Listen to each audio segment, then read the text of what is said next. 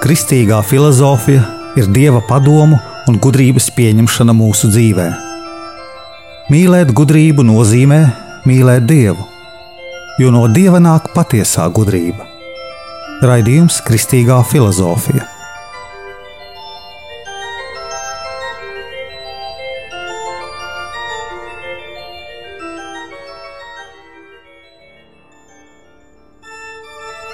Es esmu Jānis Valtra Vitsenheims, un ar jums ir 51. raidījums Kristīgajā filozofijā.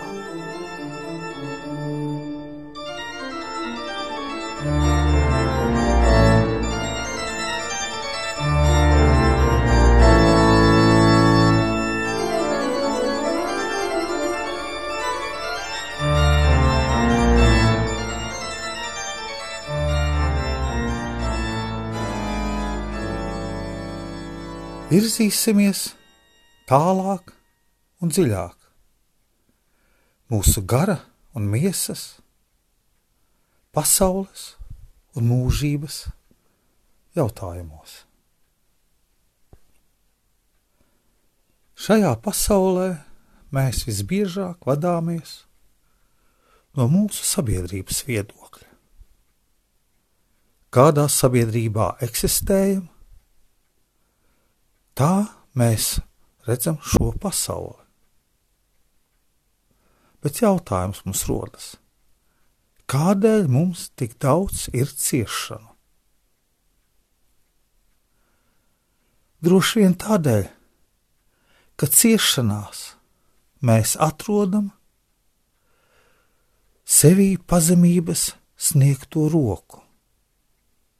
Varētu teikt, tiešām mēs jūtam, ka mūsu varenība nav tāda, kā mēs vēlētos. Jo mēs uz visu dzīvi skatāmies diezgan materiāli. Bet Dievs vajadzīgs, lai mēs varētu ieskatīties ar savu dvēseli mūžīgajā dzīvē ar Dievu. Materiālajā dzīvē mēs nevaram iekļaut ne savas, ne tuvāko ciešanas. Tas viss notiek mūsu dvēselē. No sirds iziet ļaunais un labais. Mūsu kaislības rada mūsu ciešanas. Varētu teikt, ka mums katram ir savs, savas pasaules gals, kad mirstam. Tā bija mūsu pasaule, kā mēs viņu izpratām, sajūtām un dzīvojām. Vai tā kā gribējām, vai tā kā spējām. Cilvēku priekšā mums svarīgākais šķiet izskatīties labi. Tādēļ mācāmies etiķeti, uzvedību, cenšamies smaidīt cits citam, lai noslēptu savu patieso seju. Tā māca pasaulīgā domāšana. Arī Latvijā, kad ienāca fotogrāfijas no Amerikas, bija sajūta, ka tur visi laimīgi. Nē, tā bija patīkama āršķirība, ka visi visās fotogrāfijās smaidīja, cik kurš ar savu iekšējo pasauli, savu prieku dot citiem. Bet taisnīgo spēks ir patiesībā. Jo Dievs nedod likumus, kurus cilvēks nevar izpildīt. Tātad, ja ik viens cilvēks uz zemes ir radīts mūžībai ar Dievu, izrādās, ka ik viens šo mūžību var sasniegt ja vien vēlas. Tas viss ir tikai mūsu brīvās gribas jautājums. Piesaistīties pasaulīgajam vai pārlaicīgajam uz šīs pasaules. Pārlaicīgajam, kas sakņojas jau šajā laicīgajā pasaulē. Uz zemes ir matērijas pasaule, kurai piesaistāmies ar ķermenisko, un garīgā, kur saistāmies ar savu garu, dvēseli, un abās vienlaicīgi ir grūti būt. Nevar vienlaicīgi piederēt dienai un naktī.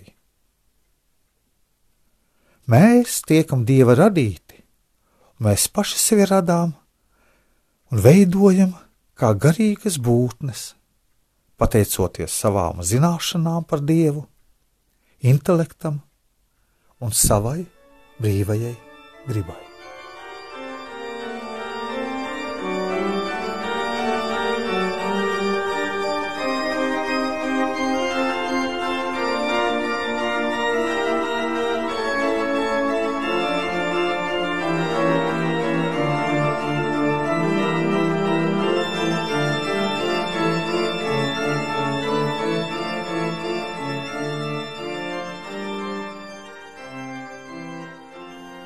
Filozofs nav kā bērns, kas ieraugot konfekti, izdara ātru secinājumu.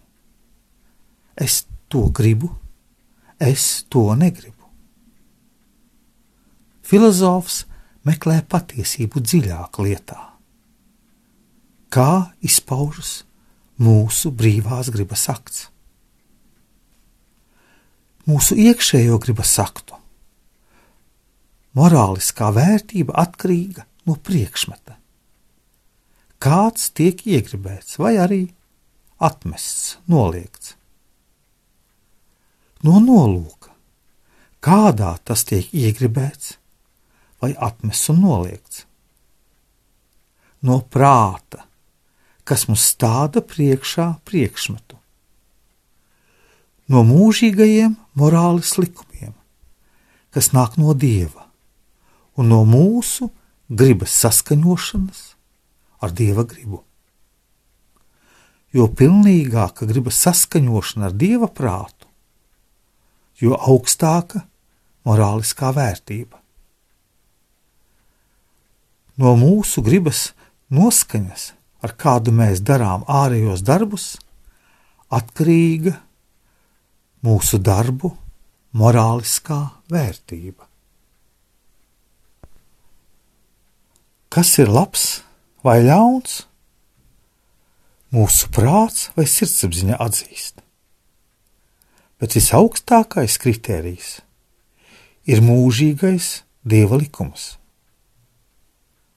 Un tāpēc tas mūsu darbs, kas saskaņots ar sirdsapziņu un mūžīgajiem dieva likumiem, tiek virzīts uz mērķi un ir pareizi izdarīts un ar to pašu tas ir labs. Bet tas mūsu darbs, kas nesaskan ar mūsu prātu un dieva likumiem, nav pareizi darīts. Tāpēc tas ir ļauns. Šķiet ļoti vienkārši. Gan svētais Augustīns, gan svētais Akvīnas Toms pievienojas vienam atzinumam pilnībā, atzīdami, ka ļaunuma paša kā tāda nav. Bet ļaunums ir ik viens labuma trūkums vai mūsu apzinīgās rīcības nepareizība. Proti, nesaskaņa ar vajadzīgo morāliskās dzīves iekārtu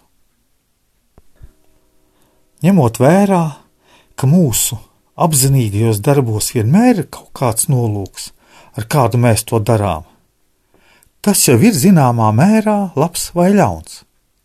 Atkarībā no tā, vai tas saskan ar prātu un mūžīgajiem likumiem vai nesaskan.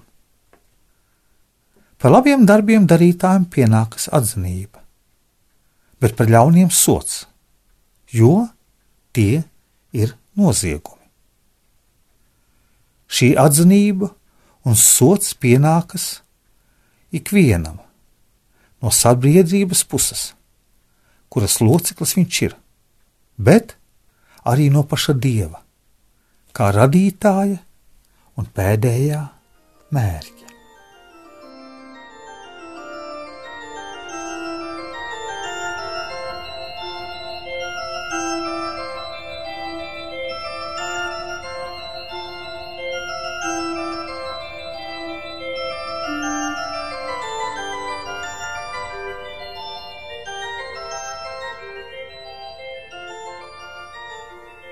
Mūsu morāliskā vērtība nav meklējama tikai atsevišķos darbos, bet visā mūsu pastāvīgā virzībā uz laba darīšanu un ļauna pārvarēšanu, vai arī otrādi. Šāda virzība var būt vai nu paša cilvēka dabā, attiecībā uz viņa tieksmēm, vai attiecībā uz to mērķi, kādu viņš grib sasniegt. Ja paša cilvēkā un viņa darbībā viss ir saskaņots ar prātu un mūžīgajiem likumiem, tad viņa virzība ir, kas palielina viņa ētisko vērtību. Ja turpretim pašā cilvēkā un viņa darbībā trūkst šīs saskaņotības ar morāles normām, tad samazinās viņa ētiskā vērtība. Mums ir noskaņa uz laba darīšanu un ļauna pārvarēšanu, un ja tā ir bijusi pastāvīga, tad tā ir tikums. Vārdu sakot, tikums ir apzinīga, pastāvīga tieksme palikt ar vien labākam. Rīkoties tā, ka tas atbilst mūsu dabai. Bet netikums ir tieksme uz ļaunu un neatbilst mūsu cilvēka dabai.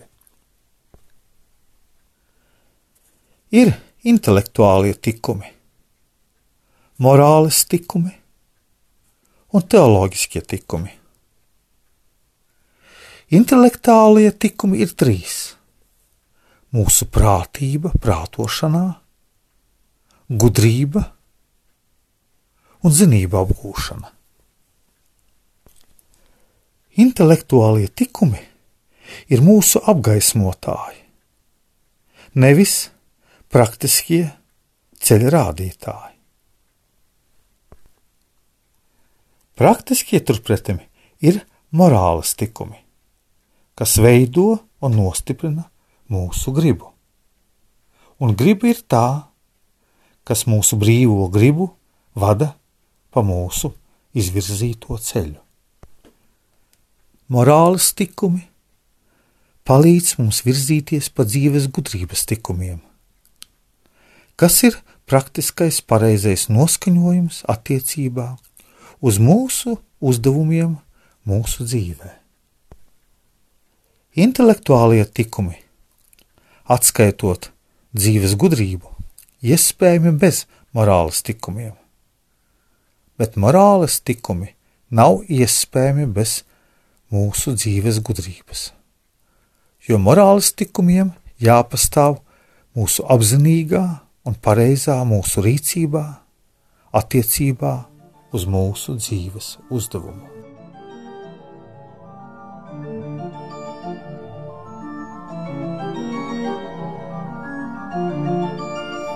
Es esmu Jānis Valtra Vitsenheims, Jeruzalemes Kristus kapa ordeņa bruņinieks. Un ar jums bija 51. raidījums Kristīgajā filozofijā. Svētais Akvīnas Toms un intelektuāli un morāles tikumi.